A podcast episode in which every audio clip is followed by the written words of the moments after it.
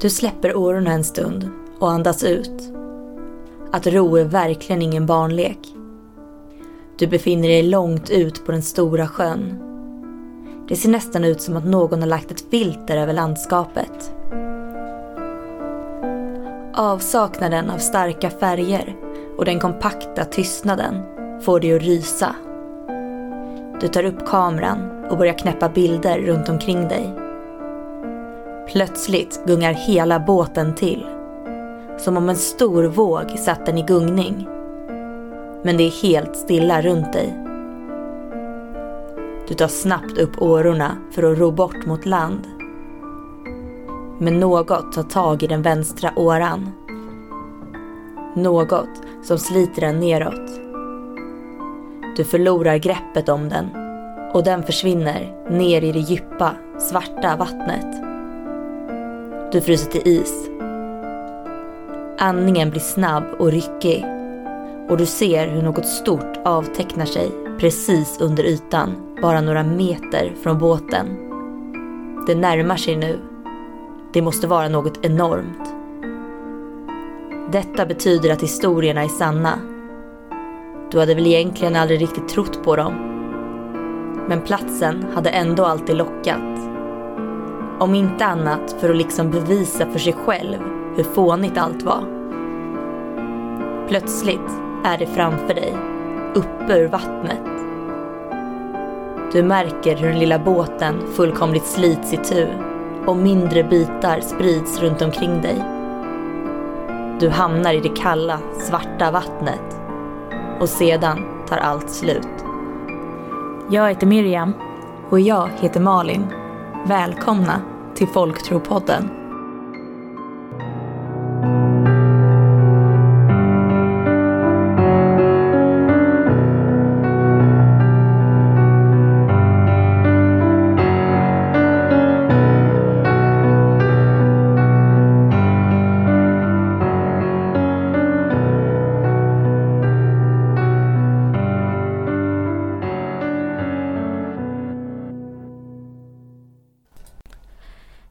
Och välkomna tillbaka till Folktropodden. Nu är vi inne i april och vi har haft eh, ett uppehåll. En härlig semester. Japp. Nej, men nu är det ju faktiskt bara två avsnitt kvar. Det här är ju Ja. näst sista avsnittet på den här säsongen. Exakt. Eh, och precis som vi bad om förra gången så vill vi jättegärna ha tips inför vår sommarsäsong. På vilka varelser. Vi har ju flera idéer. Mer idéer än vad det finns tid för tänkte jag säga. Så att det blir väl till nästa säsong om det blir en sån. Men eh, kom jättegärna med tips. Vi har egentligen eh, bara två typ klara väl? Som vi har fått från lyssnare. Ja, precis. Men sen har vi väl kanske 15 egna förslag. ja, jo det är klart. Ja. Men det är ju roligast om det kommer från er, självklart. Mm. Och en av anledningarna till att vi har haft ett litet uppehåll är ju bland, bland annat för att vi båda jobbat ganska mycket. Men också för att vi var i Tyskland en sväng om. Precis. Vi skulle ju framförallt handla alkohol till Ja. ditt bröllop. Det skulle vi. Men också gå på konsert. Faktiskt. Mm. Så, så roligt har vi haft det. Så vi bilade ner till Göteborg och så tog vi färjan över. Och så bilade vi ner till Düsseldorf. Var på konsert. Shoppade lite. Bilade upp igen. Köpte massa alkohol i Kiel. Och så åkte vi tillbaka. En liten snabb visit. Mm. Mm. Det som vi började prata om då är ju hur obehagligt det är med färjor. Ja men det är ju det. Och det hade ju dessutom precis varit den här äh, norska, visst var det norsk Ja det var norsk. färjan Mm. som hade blivit sjö, hamnat i sjönöd. Så det gjorde ju inte saken roligare. Nej. Ja, alla klarade sig va? Ja, det gjorde de. Men ändå bara den Det var väl bara lite skräcken. skador. Ja, fy. Ja, men jag skickade en snapchat till min mamma på rummet där jag bara skrev att hoppas vi inte sjunker i natt. Så hon hade ju inte kunnat sova på hela natten och bara du får inte skicka sådana här saker till mig, hur tänker du? Min mamma är jätterädd för båtar. Vi har typ aldrig åkt båt i hela mitt liv för mamma är verkligen jätterädd. Ja. Jag kände att jag måste nämna mamma lite, det var ett tag sedan. ja precis. Nej men usch det, är- det är faktiskt. Men man glömmer bort det tycker jag. Alltså vi var ju inte rädda. Nej, man tänker inte på det, eller jag tänker inte på det när jag väl är på båten. För då Nej. känns det ju som ett rum. Ja exakt. No shit tänkte jag säga, det är det enda man ser när man är på rummet. Men det är liksom, Mm. Jag glömmer bort att det där rummet faktiskt är på vattnet och att det verkligen är hav under oss. Ja. Det var väldigt lugnt också. Men jag tror att de flesta åker inte till Kiel för att handla alkohol. Man åker väl till Lübeck eller något sånt där. Ja. Det måste Det varit det. Så det var väldigt skönt. Mm. Men vatten passar ju faktiskt ganska bra in på temat för vad vi ska prata om idag. Ja, och ni har väl förmodligen läst eh, rubriken på dagens avsnitt. Och det är ju då Nessie. Och det är ju då det kända sjöodjuret i sjön Loch Ness. Som, Som vi jag- kommer att prata om. Ja, som jag alltid trodde att det var Loch Ness. Det där var en sån här klassisk feltolkning när man var liten. Ja. Att det känns som att alla trodde att varelsen hette Loch Ness. Men det är ju alltså sjön som heter Loch Ness och varelsen som kallas för Nessie. Ja. Eller Loch Ness sjöodjuret. Det är ju precis som med Frankensteins monster. Ja, det är väl också en typisk. Japp.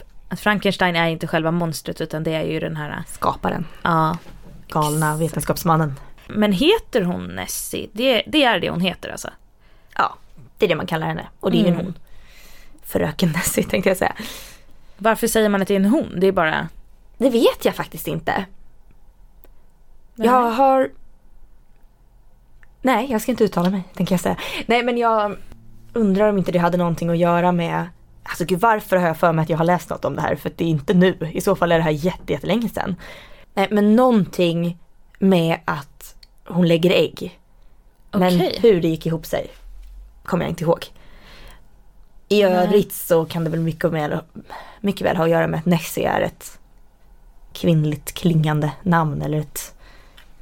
Många ser väl Nessie som ett tjejnamn. Ja, just det. Jag läste också någonstans att några sa att det kanske har att göra med att man säger hon om till exempel båtar. Men vi kommer i alla fall läsa lite fakta om först Nessie och sjön Loch Ness.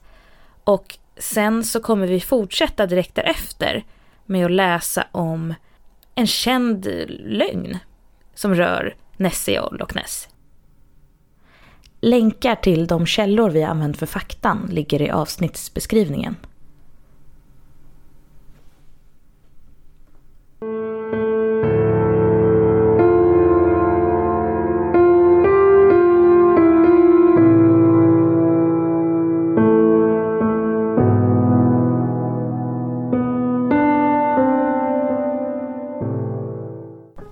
Det har pratats om sjöodjuret i Loch Ness ända sedan 2 maj 1933 då det publicerades en kort artikel i tidningen Inverness Courier. Artikeln berättade om paret Mackay som hade sett en stor varelse vid sjön Loch Ness norra strand. Efter att artikeln publicerats kom det in ett flertal vittnesmål från folk som också sett märkliga ting i sjön. Detta blev starten på Nessie-hysterin som i viss utsträckning pågår än idag.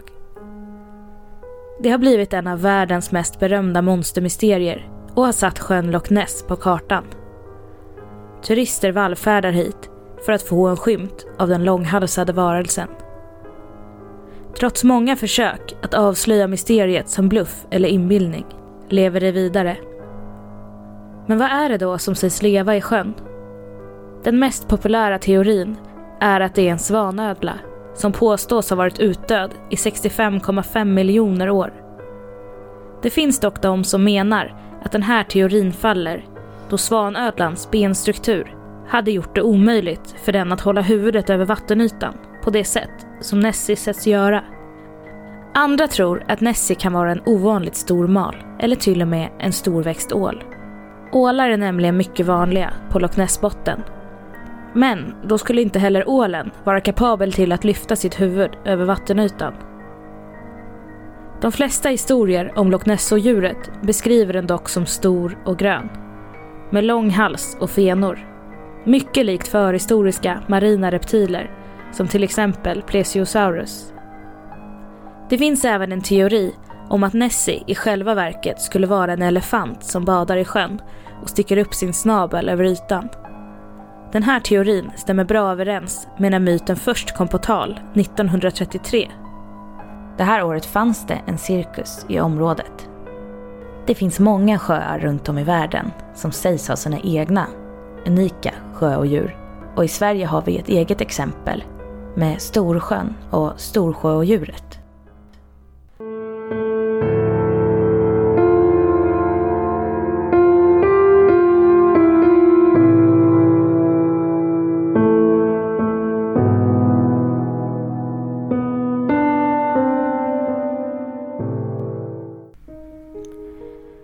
Marmaduke Wetherell var känd för att vara väldigt egen.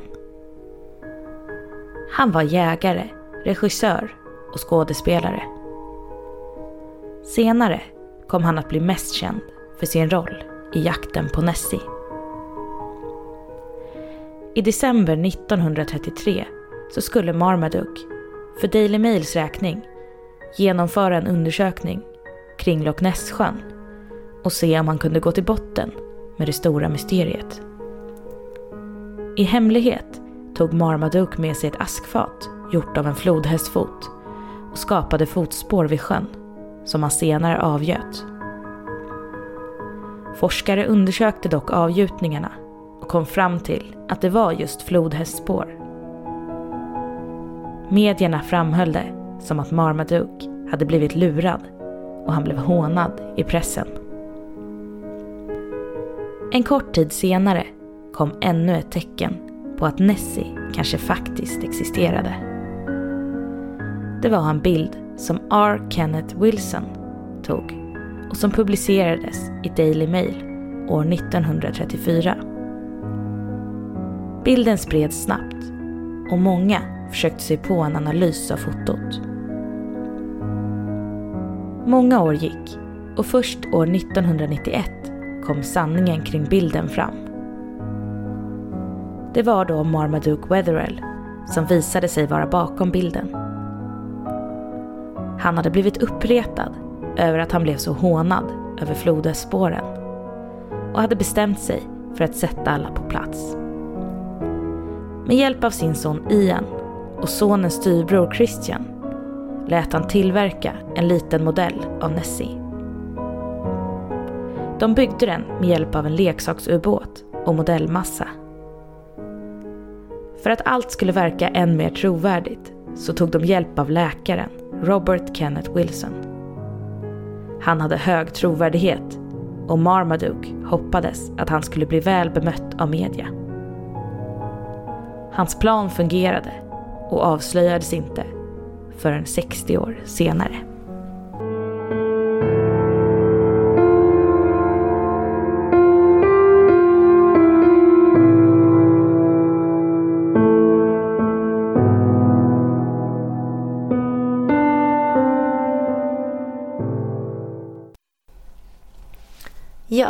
I faktan nu så har ju vi skrivit att man först började prata om Loch Ness 1933. Och det är ju den officiella första sightseeingen. Om man säger så. Men framförallt i Skottland så menar man ju att man har pratat om Loch Ness redan på 500-talet efter Kristus. Men många menar att det här inte kan ha varit Nessie. Det är en gammal text då som ska handlat om ett sjöodjur. Men jag läste att det fanns tre orsaker till att det inte var så troligt att det var Nessie det handlade om. Och det var bland annat att personen i texten inte, om jag förstod det rätt, inte fanns på just den tiden. Den levde inte på den tiden. Jaha. Det var också att eh, sjöodjur var någonting som man stoppade in i nästan alla historier just under den epoken. Det var liksom en stämningshöjare. Man stoppade in ett sjöodjur. 'Cause why not? Eh, och det tredje var att berättelsen handlade om floden Ness och inte om sjön Loch Ness. Så det var inget Loch Ness-odjur utan det var ett Ness-odjur i så fall. Aha. Sen har man även talat om att man såg en varelse röra sig i Loch Ness 1870. Men det som gör att den sightseeingen är lite otrovärdig var att han inte berättade det här förrän 1934. Och då var ju redan storyn igång. Just det. Men jag tänkte det där tredje argumentet för varför det inte skulle kunna vara Nessie. Det är ju lite konstigt för borde inte liksom eh, floden Ness rinna ut i Loch Ness? Det känns ju troligt så att ja, jag vet faktiskt inte men det låter ju som att floden Ness bör sluta i Loch Ness. Eller börja, beroende på hur man ser det. Och vem säger att inte alla de här eh, liksom, sjömonstren var sanna berättelser? Exakt, det kanske fanns väldigt mycket sjödjur där. Ja. Eh, något annat som jag tänkte att jag skulle förklara lite mer som också sägs i faktan. Det är ju att Nessie ganska troligt skulle ha kunnat vara, varit en elefant. Och det Ja. kände jag först när jag läste det. Bara? En elefant? Men det var ju nämligen så, precis som vi säger i faktan, att det var en cirkus. Eh, som befann sig i området, Loch Ness. Och de lät sina elefanter bada i Loch Ness-sjön. Och det här var ju 1933, runt den första rapporten. Och cirkusdirektören där, han utlovade ett stort pris till den som skulle hitta Loch Ness-odjuret. Och det hade ju att göra med att han fick väldigt bra reklam till sin cirkus. Så därför tror man ju att det kan ha varit så att han fick idén av att de här paret, McKay heter de va? ja. såg någonting konstigt röra sig i vattnet, vilket då kan ha varit en elefant som badade. Och efter det så startade han själv den här myten. En väldigt rolig historia. Men också att han så här på något vis ville få reklam då kanske. Ja, ja han var väl inte dum. Nej Det exakt. var ju marknadsföring, absolut. Men då hade myten redan startat igång lite eller? Var han först? Nej. Det är det man inte vet. Han skulle mycket väl ha kunnat varit först. Att det här paret McKay, som startade hela myten, skulle ha kunnat sett en elefant. Och att det var så myten startade. Mhm, just det. Och du har ju pratat om att man fortsätter ju med eh, massa tester än idag för att bevisa om Nessie finns eller inte. Mm. Ja, så sent som nu, 18 juni 2018, så tog de DNA-prov på sjön Loch Ness. För att försöka finna om det skulle finnas någonting i vattnet. Jag vet inte riktigt hur det skulle visa sig. Och han kom inte fram till någonting. Det var en nyzeeländsk forskare som var där och Mhm. tog tester. Bör inte Nessie vara död nu tänker jag? Eller om hon är så här urhistorisk kanske hon kan leva länge men ja. Jo, men det är ju inte otroligt att hon kanske fanns. Men att hon inte lever längre. Fast då borde man å andra sidan ha hittat kroppen kanske. Ja, eller hur? Samtidigt är det kanske väldigt få, om jag tänker typ blåvalar och grejer som dör i haven. Det är väl ändå ganska sällan man hittar sådana på stränder och Jo, och nu är det i och för sig i havet och inte i en sjö. Men Just det, det finns ju också ehm, lite så här konspirationsteoretiska teoretiska idéer om att det kanske funnits någon och som har försvunnit. mm, Har jag också hört om. det har jag också och jag läste också någonting som jag för mig var ganska nyligen. Där det är en konspirationsteori som säger att alla museer, Londons National Museum och Mm. Skottlands och även Sveriges eh, bråkar om Loch Ness-odjuret. Okej. Så att det finns en konspirationsteori som säger att de tre har alla fått reda på fakta som bevisar att Nessie finns. Och därför så gjorde de, jag kommer inte ihåg detaljerna nu. Men att de gjorde på något vis sjön, de la något skydd på sjön som inte hade funnits innan. Som gjorde folk väldigt misstänksamma. Och även Storsjön, där vi sägs ha Storsjöodjuret, Mm. blev i samma veva, fick samma naturskydd. Som sen togs bort ganska snabbt igen. Okej. Och då fick folk för sig att det hade att göra med att de hade bevisat att Nessie fanns. Och därför så ville vi säkerställa att oj, om vi nu har ett storsjöodjur så måste vi göra samma skydd. Okej. För alla försöker att sno Nessie till sitt museum. Ah, men gud. Nu passar det väl kanske ganska bra då att, att sätta igång med det första inlägget. Och det är som vanligt från Reddit. Eh, och författaren heter Detalula Bell. Och har skrivit om sitt möte med Nessie.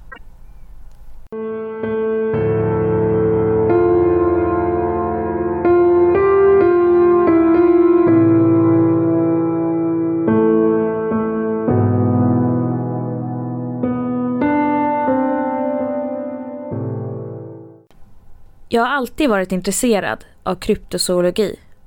Du vet, som de flesta tonårspojkar brukar vara. Många historier brukar starta med ensamma pojkar som har få eller inga vänner och istället vänder sig till det paranormala. Det var inte jag. Jag menar, jag är ju inte världens populäraste person i skolan. Men jag har flera bra vänner och en bra familj. Jag älskar bara det paranormala. Jag älskar konspirationsteorier och berättelser om spöken och monster. Det finns något i dessa historier som talar till mig. Känslan av att det finns något större där ute. Att världen inte är vad den ser ut att vara. Och om vi bara ägnade den mer uppmärksamhet så skulle så mycket mer vara möjligt. Med det sagt så har jag aldrig sett något övernaturligt eller konstigt, trots att jag har försökt. Jag har gått i hemsökta hus, spelat ouija boards och vandrat genom isolerade skogar, för att nämna lite. Så när mina föräldrar berättade att vi skulle resa till Skottland på semester var jag utom mig av glädje över tanken på att jag kanske äntligen skulle få se något övernaturligt. Och inte bara det, utan det var Loch Ness-monstret, det största du kunde få se. Självaste Nessie. Självklart övertalade jag mina föräldrar att även om hela Skottland var vackert så måste vi sova i alla fall en natt vid Loch Ness-sjön. De gick med på det överraskande lätt. Jag antar att de förstod att jag aldrig skulle ge mig. Så jag packade min väska med kamera, kryptozoologiböcker, ficklampa med mera. Och vi gav oss av. Vi hade hyrt ett litet Airbnb precis vid sjön. En gullig men tråkig stuga där det inte fanns så mycket att göra. Men den funkade utmärkt för ändamålet. Jag gick direkt ut för att ta en promenad runt sjön. Den var helt otroligt vacker. Vattnet var helt stilla och du kunde se reflektionerna av bergen och gröna skogar. Luften var krispig och frisk. Hela scenen gjorde mig mållös. Det kändes som att titta på en bild ur National Geographic. Vi boade in oss i stugan och spenderade sedan dagen i den lokala stan. Jag hoppades på att stöta ihop med någon som hade lite mer förstahandsinformation om monstret. Kanske någon som kände någon som hade sett den. Eller som till och med hade sett den själv. Bara något som inte kom från en troligtvis väldigt överdriven beskrivning ur en bok. Det var väldigt mycket Nessie-grejer överallt. Men tyvärr väldigt lite information. Jag gissar att jag hade börjat reta upp lokalborna rätt rejält när jag fick upp intresset för en gammal fiskare. Såklart att det var en gammal fiskare. Historien han berättade var precis en sån som du hade förväntat dig av en gammal fiskare i det skotska höglandet. Det var en mörk stormig natt och jag var ute med min båt när ett huvud plötsligt började sträcka sig upp ur vattnet på styrbord sida precis bredvid mig. Och all sån skit. Men historien var inte värdelös. Han berättade att du ofta såg Nessie efter skymning när det regnade. Lyckligtvis så regnade det ofta här.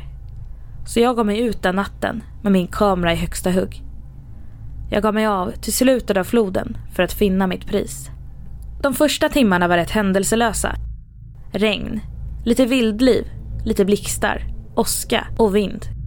Luften var inte längre frisk och krispig utan istället bitande kall. Vattnet såg ut som en stor svart pool av bläck, oinbjudande och ondsint. Jag kunde inte längre se bergen. Jag kunde faktiskt se väldigt lite överhuvudtaget. Vid det här laget var jag kall och blöt. Men jag var också en man med ett uppdrag och jag var väldigt bestämd på att jag skulle hålla ut. Men det ändrades runt midnatt. Jag såg något som rörde sig långt ner i den svarta sjön. En del av vattenytan såg annorlunda ut. Det området såg lugnare ut än den krusiga, kompakta svartheten runt omkring. Någonting i vattnet störde vinden och vågorna. Något stort. Jag fumlade med min kamera och i det korta ögonblicket jag tittade bort från vattenytan måste den ha rest sig. För när jag tittade tillbaka var det långt över vattenytan. Nessie. Jag stannade upp helt förundrad och tog verkligen in vad jag såg. Trots att jag i mörkret endast kunde se konturerna. En lång nacke, en len rund kropp som gnistrade något i det lilla ljuset från månen som lyckades fånga vattendropparna på hennes kropp.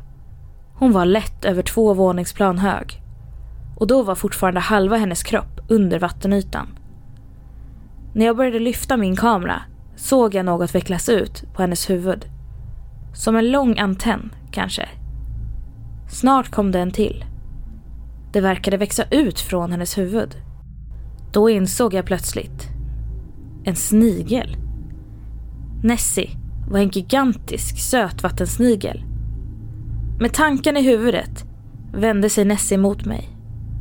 En blixt lyste upp scenen framför mig och i det plötsliga ljuset kunde jag se Nessie i sin helhet. Hennes grå kropp gnistrade. Hennes långa slanka ögonskälkar fokuserade på mig. Hennes köttiga kropp började falla och hon började röra sig mot mig. Det var då jag såg hennes mun.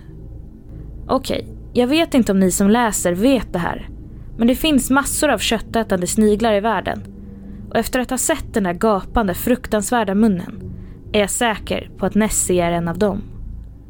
När jag tittade in kunde jag se hundratals, om inte tusentals tänder. Senare skulle jag även få reda på att sniglar har en radula. En sorts tunga som är helt täckt av tänder som hjälper att smälta maten lager för lager. För ett ögonblick var jag fastfrusen av ren fascination och skräck över synen framför mig. Medan jag såg på den slimiga, tandbetäckta munnen insåg jag plötsligt.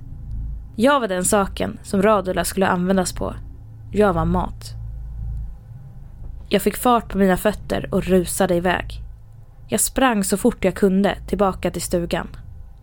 Allt jag kunde höra var mitt eget hjärta som pumpade i bröstet och min ansträngda andning.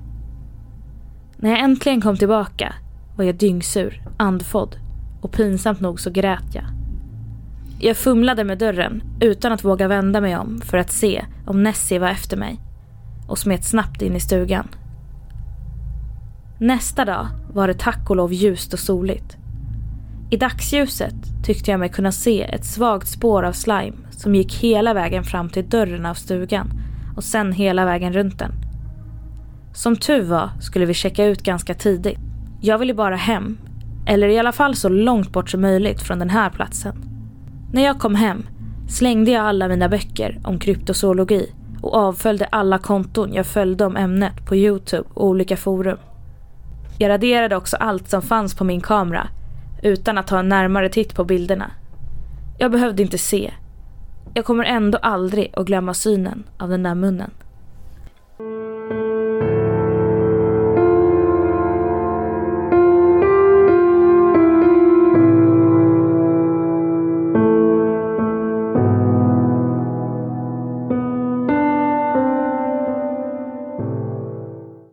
Ja, i, den här, i det här inlägget så är ju Nessie en snigel. Ja, det är lite otippat. ja. Men det som jag tycker är lite spännande med det här inlägget, det är ju att det skrevs i januari 2019. Så mm. det är ett mm. väldigt nytt inlägg. Och det är också väldigt spännande det här med att det är en snigel. För jag tänker att en snigel är ju ingenting övernaturligt. Det är ingenting som vi, vi vet ju att det finns sniglar idag. Ja. Och mycket saker kan ju växa sig väldigt, väldigt stort nere i ja. havet. Jag tänker ju på jättebläckfiskar som man inte ens vet hur stora de kan bli. Just det. Och eh, vi som har klagat lite på att många sådana här är likadana i modern historia med sina breda leenden och allt det här, vad det var. Det här är ju verkligen något helt annat. Mm. Tänker jag. Det är kanske därför det först känns lite så skrattretande nästan. Jag tror det, för det passar inte riktigt in i ma malen, i mallen för vad vi tycker är läskigt kanske. Nej, men just när han beskrev den här munnen. Ja. Var ju riktigt obehagligt. Ja men den här tandbeklädda tungan. Mm. Det finns faktiskt något riktigt obehagligt i det. Ja det gör det. Ehm, men det är ju fortfarande som sagt. Man vet ju inte vad Nessie skulle vara för något slags djur eller varelse. Så det kanske är en snigel, vem vet? Det har ju mm. diskuterats om ålar i alla fall. Precis, ja det har vi varit inne på. Ja men till och med att det skulle vara en gigantisk säl. Ja. Det har varit lite gulligt. Det är halsen där. Men i och för sig, den, just den kändaste bilden är ju en myt, eller är ju påhittad. Ja, det är ju en byggd, byggd varelse. Och det är ju den ja. som mycket har baserats på. Så är det ju. Det var ju den här Storsjön som du nämnde lite tidigare. Där är ju också ganska många som säger sig ha sett då Storsjöodjuret. Och jag hittade en gammal intervju med en 92-åring som faktiskt är från jag har skrivit 1992 ser jag nu, men jag tror fasiken att intervjun var från 96. Så jag vet inte varför jag skrivit 92. För att hon var 92 år Ja, kanske. det måste ju vara det. Men hon berättade då att hon har liksom sett storsjödjuret på 30-talet men hon har inte vågat säga någonting för att hon vill inte bli alltså, ansedd som galen. Jaha. Men att hon var typ ute med sin familj och så fiskade de och då fick de någonting helt gigantiskt på kroken. Oj. Som var större än hela båten. Och hon beskrev det ganska ingående som en, som en gigantisk fisk. Och det finns ju ganska mycket andra stories om Storsjön också. Mm. Som ju ligger i Jämtland. Det ska vi i sommar. Ja, och jag har varit vid Storsjön. Har du? Mm. Mhm. Min farfar hade landställe i Jämtland. Ja. Och jag kommer ihåg att när jag var vid Storsjön, jag var så säker på att jag skulle se Storsjöodjuret. Alltså jag var liksom hundra. Det var ingen tvekan att den skulle vara där. Men jag såg ingenting, tyvärr. Men man går verkligen på helspänn så jag förstår att folk får för sig att de ser saker. Ja. För man går ju verkligen och tittar på varenda liten stock, varenda liten krusning på vattnet. Allt blir så spännande. Jag tror att jag var kanske åtta år eller någonting när jag var där. Så verkligen den här åldern när allting är så spännande. Just det. En sak som faktiskt är så himla konstigt. Det är att eh, jag var ju inne ett tag på, vet, jag brukar sitta med Google Maps och så trycka runt Mm. bara. För jag gillar både geografi och att resa. och då var jag inne, om du kommer ihåg, på ett litet tag att vi skulle åka till Kazakstan. Mm. Och under Kazakstan ligger Kirgizistan. Och då såg jag att om man åker till Kazakstan så kan man bila över till Kirgizistan på typ tre timmar. Och då finns det en stor sjö där som är, ja men den är jättestor så det är verkligen så deras badställe. Det är massa resorts och det är, man Just det, kan det åka jetski. Det och var där man kan... visade bilder som vi skulle åka och bada i så fall. Ja, det är super, super fint. Men den sjön heter, med reservation för uttal, men Isykkul. Och eh, när jag sökte runt lite på var man skulle kunna bo runt den sjön, då kom det upp att det är en av de djupaste sjöarna i världen, tror jag. Så obehagligt. Ehm, och den är då den är lite speciell för den fryser aldrig och den ligger liksom mellan massa höga berg så det är väldigt fint också. Det är massa snöbetäckta berg runt så den håller sig på något sätt hyfsat varm. Och där har det då gått rykten, det är liksom deras Loch Ness kan man säga. Ända sedan i slutet på 1800-talet om, äh, ja, äh, om att det skulle bo humanoider eller någon slags monster i den sjön. Och det är vid flera fall som man har sett bland annat skelett. Eh, Det första det var i slutet på 1800-talet som upptäckte en man tre skelett i en grotta. Som ska vara över tre meter långa. Mm. Och eh, det, ska, det låg massa saker runt också. Som var väldigt så speciella och konstiga. Och sen försvann de här skeletten på något sätt. Och det är också lite så här konspirations... Aliens. Ja. Ja, eller, snarare kanske att så här, regeringen vill... Ja, lite den kändes det Jag som. läste bara silverdräkter i dina anteckningar. Jaha. jo men det var lät snarare så att så här, okej, oj, nu här var det skelett och helt plötsligt är skeletten borta. Mhm. Ja, ja. Och sen så, massa år senare så var det barn som hittade dem. Tre barn ska ha hittat massa skelett som också bara försvunnit. Så det är liksom, det är flera sightings med väldigt, det, saker har bara skötts väldigt konstigt.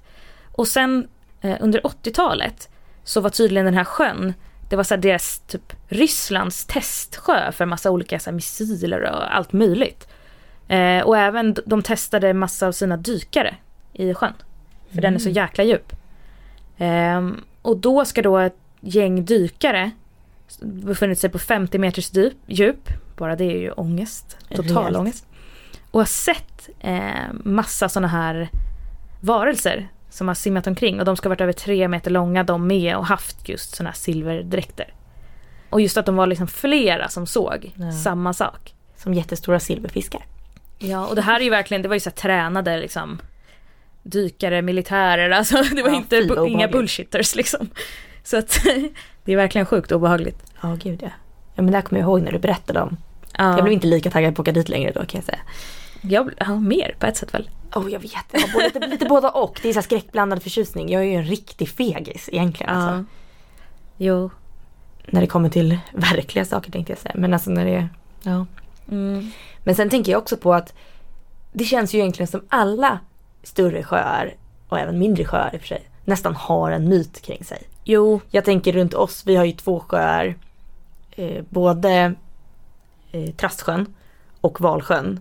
som båda har ganska mycket myter kring sig. Just barnen i området har hittat på saker om att folk har drunknat och det ska mm. vara varelser som har tagit sig dit. Och just sjöar och vatten är det ju lätt att bygga myter kring. Och just för att du inte vet vad som finns där nere. Du kan inte se ner. Vi ska läsa det sista inlägget skrivet av Grodon Kyogre 117. Uttalet är lite oklart. Eh, från Reddit. Och eh, det kommer här.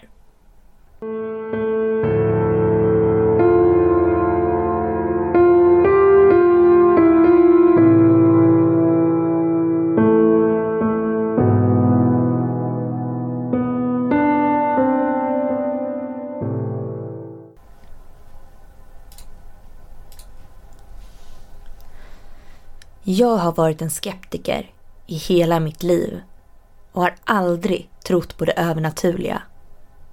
Jag brukade se mig själv som förnuftets röst. Men inte nu längre. Jag trodde alltid att min logiska sida var en gåva. Att jag var en på miljonen som inte trodde på allting. Att jag hade tur. Inte nu längre. Min logiska sida har ingenting med tur att göra. Det faktum att jag lever och kan berätta den här historien däremot, det är tur. Vad jag har upplevt är en berättelse så fruktansvärd och upprörande att till och med skeptikerna för en gångs skull borde tro på den. För om de inte gör det, ja, herregud. Det började för tre veckor sedan. Jag såg en artikel som cirkulerade runt på internet med titeln En upptäcktsresande försvann i Loch Ness-sjön. Artikeln var kopplad till en massa rykten som menade att en kryptozoolog vid namn David Swan och hans båt mystiskt försvunnit ner i Loch Ness-sjöns djup. Jag antog att allt bara var skitsnack. I slutet av artikeln var en länk till en tävling som lottade ut en gratisbiljett till Skottland för att få se Loch Ness. Hemsidan som ordnade tävlingen hette www.mysteryoflochness.com eller något annat sjukt cringe. Antagligen bara skit. Trots att jag var säker på att hela hemsidan var en bluff bestämde jag mig för att skicka in en ansökan. Så jag klickade på länken, skrev in min mejladress, adress och mitt namn hela tiden säker på att skiten var en stor bluff. Två timmar senare fick jag en notifikation om att de hade mejlat min biljett. Så det var ingen bluff. Ja, ja, då hade jag helt plötsligt fått en gratis resa till Skottland bara sådär. Jag tänkte att jag hade haft tur som vann tävlingen och fick en chans att se Loch Ness. Men jag skulle få se så mycket mer än vad jag hade velat. Dagen min biljett kom gav jag mig av till flygplatsen för att hinna med planet klockan 16.00. Så fort jag kom fram till flygplatsen gjorde jag vad jag vanligtvis brukade göra. Lämnade av allt mitt bagage, gick genom säkerhetskontrollen och gick bort till min gate. Det var rätt mycket folk. Alla turister som trodde på den där Nessie-skiten tänkte jag. Och jag hade helt rätt. Jag satte mig ner mitt emot någon tonåring och la mitt handbagage på sätet bredvid mig. Jag sneglade åt hans håll och la märke till att han scrollade igenom några nyhetsartiklar på sin Samsung. Jag kisade mot de stora bokstäverna i titeln och kunde till slut utläsa Upptäcktsresandes kvarlevor hittas vid Loch Ness kust. Han märkte uppenbarligen att jag försökte läsa över hans axel för han tittade upp från sin mobil. Va? Har du inte hört? frågade han. Nej, vadå? svarade jag förvirrat. Vad är det som har hänt? Han började läsa hela artikeln högt med en spänningsfylld och extremt långsam röst. Upptäcktsresande och kryptozoologen David Svans kropp hittades för 20 minuter sedan vid Loch Ness-sjöns kust. Den manglade kroppen togs genast om hand av polisen och de utförde en obduktion bara minuter efter fyndet. Obduktionen visade att Svan hade en krossad bröstkorg, brutna lårben, en punkterad lunga och ett flertal djupa bitmärken som gjorts av ett djur av obestämd art. Polisen säger att han drunknat och sedan spolats upp på land.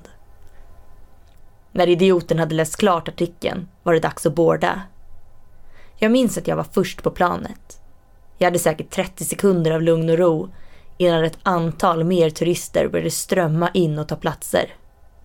Snart satt jag fast vid fönsterplatsen med två överviktiga, snarkande kvinnor bredvid mig. Det låter som att det skulle kunna vara den värsta delen av en resa. Men för just den här resan var det här ingenting. Sex timmar senare blev jag återigen inklämd, nu på en buss med 40 plus turister på väg mot sjön Loch Ness. Två timmar senare stod jag i en gigantisk grupp människor vid sjön. Flera turister gick på en ubåt och åkte ner i sjön för att sedan komma tillbaka levande. Så jag tänkte, varför inte? Och ställde mig i den kortaste kön till ubåtarna. Så fort jag började kliva på ubåten, cirka en timme senare, fick jag en stickande känsla av att något var fel. Du vet, den där känslan du kan få i magen när du tror att din flickvän eller pojkvän är otrogen mot dig. Precis den känslan. Så fort vi började sjunka ner i Loch Ness var jag så nervös att jag var tvungen att kämpa emot känslan av att jag ville slita upp nödutgången och simma ut i säkerhet. Känslan blev bara starkare och starkare ju djupare vi kom. Och det mystiska mörkret som snart omgav ubåten hjälpte inte. Det var då det började. Någonting slog emot ubåten med full kraft. Jag kände hur hela båten skakade till trots att jag var i andra änden från där smällen träffat. Folk började skrika.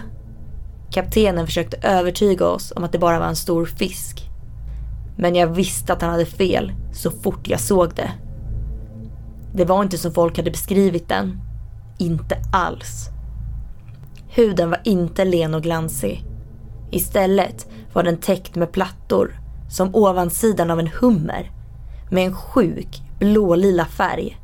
Lite som färgen på ett blåmärke. Den hade inte fenor som på en val. Utan den hade långa, muskulösa armar som slutade i knivliknande klor. Mellan de fyra klorna hade den simhud som på en groda. Huvudet var inte alls ormlikt som folk hade föreställt sig. Istället hade den käkar som en krokodil medan ögonen och resten av huvudet såg ut som en pyton. Den hade också vita horn som liknade en elefants betar som stack ut från toppen på huvudet. Istället för bakben hade den gigantiska fenor som mer liknade de gamla mytologiska drakvingarna med tre ben med nät emellan. Ögonen var djupt mörkröda och saknade helt pupill. Och i gapet hade den en läderbunden bok med texten Tillhör David Swan skrivet i bläck på framsidan. Monstret, eller Nessie, vad du än vill kalla det, snurrade runt med huvudet så att den såg in genom sidofönstret. Den släppte boken och tjöt. Jag höll för öronen för att skydda mig själv från det fruktansvärda ljudet. Fönstret bredvid mig vibrerade. Nessie gjorde ett utfall mot fönstret och slog med hornen mot ubåten. Kaptenen skrek till och duckade. Nu rasande tjöt varelsen igen och lyckades krossa fönsterrutan, vilket skapade ett tillräckligt stort hål för att den skulle få in sitt huvud. Den stegrade sig och slungade sin långa nacke som en fiskelina. Sen, som en fiskare som kastar ut sin lina, kastade den in sitt huvud och började bita efter oss. Åt fisken. Skrik och tjut mixades i luften medan vatten började forsa in. Allt jag minns sen är att kaptenen skrek åt oss alla att ta sig till den lilla ubåten som användes i nödsituationer innan Nessie slöt sina Tyrannosaurus-liknande tänder in i hans nacke. En kille, som jag antar måste ha varit en del av besättningen med tanke på skylten på hans skjorta där det stod Loch Ness Marine Tours, tryckte på en knapp på väggen som öppnade nödutgången och släppte ner den mindre ubåten. Allihopa, inklusive jag, simmade ut i det öppna vattnet och klämde oss genom dörren in till den mindre ubåten. Lyckligtvis hade inte den lilla ubåten hunnit fyllas till kanten under vår snabba evakuering. Medan jag stod där i knähögt vatten, inklämd med en massa människor, kunde jag inte tänka alls. Ubåten flöt upp mot ytan, styrd av guiden. Jag lyckades pressa mig genom gruppen fram till fönstret. Synen som då mötte mig var mer grotesk än den mest groteska filmen på den här planeten. Nessie, som var i full färd med att slita isär ubåten i ett moln av blod, metall, glas och skum. Den synen har etsat sig fast i mitt minne. Synen av den saken som vilar i Loch Ness.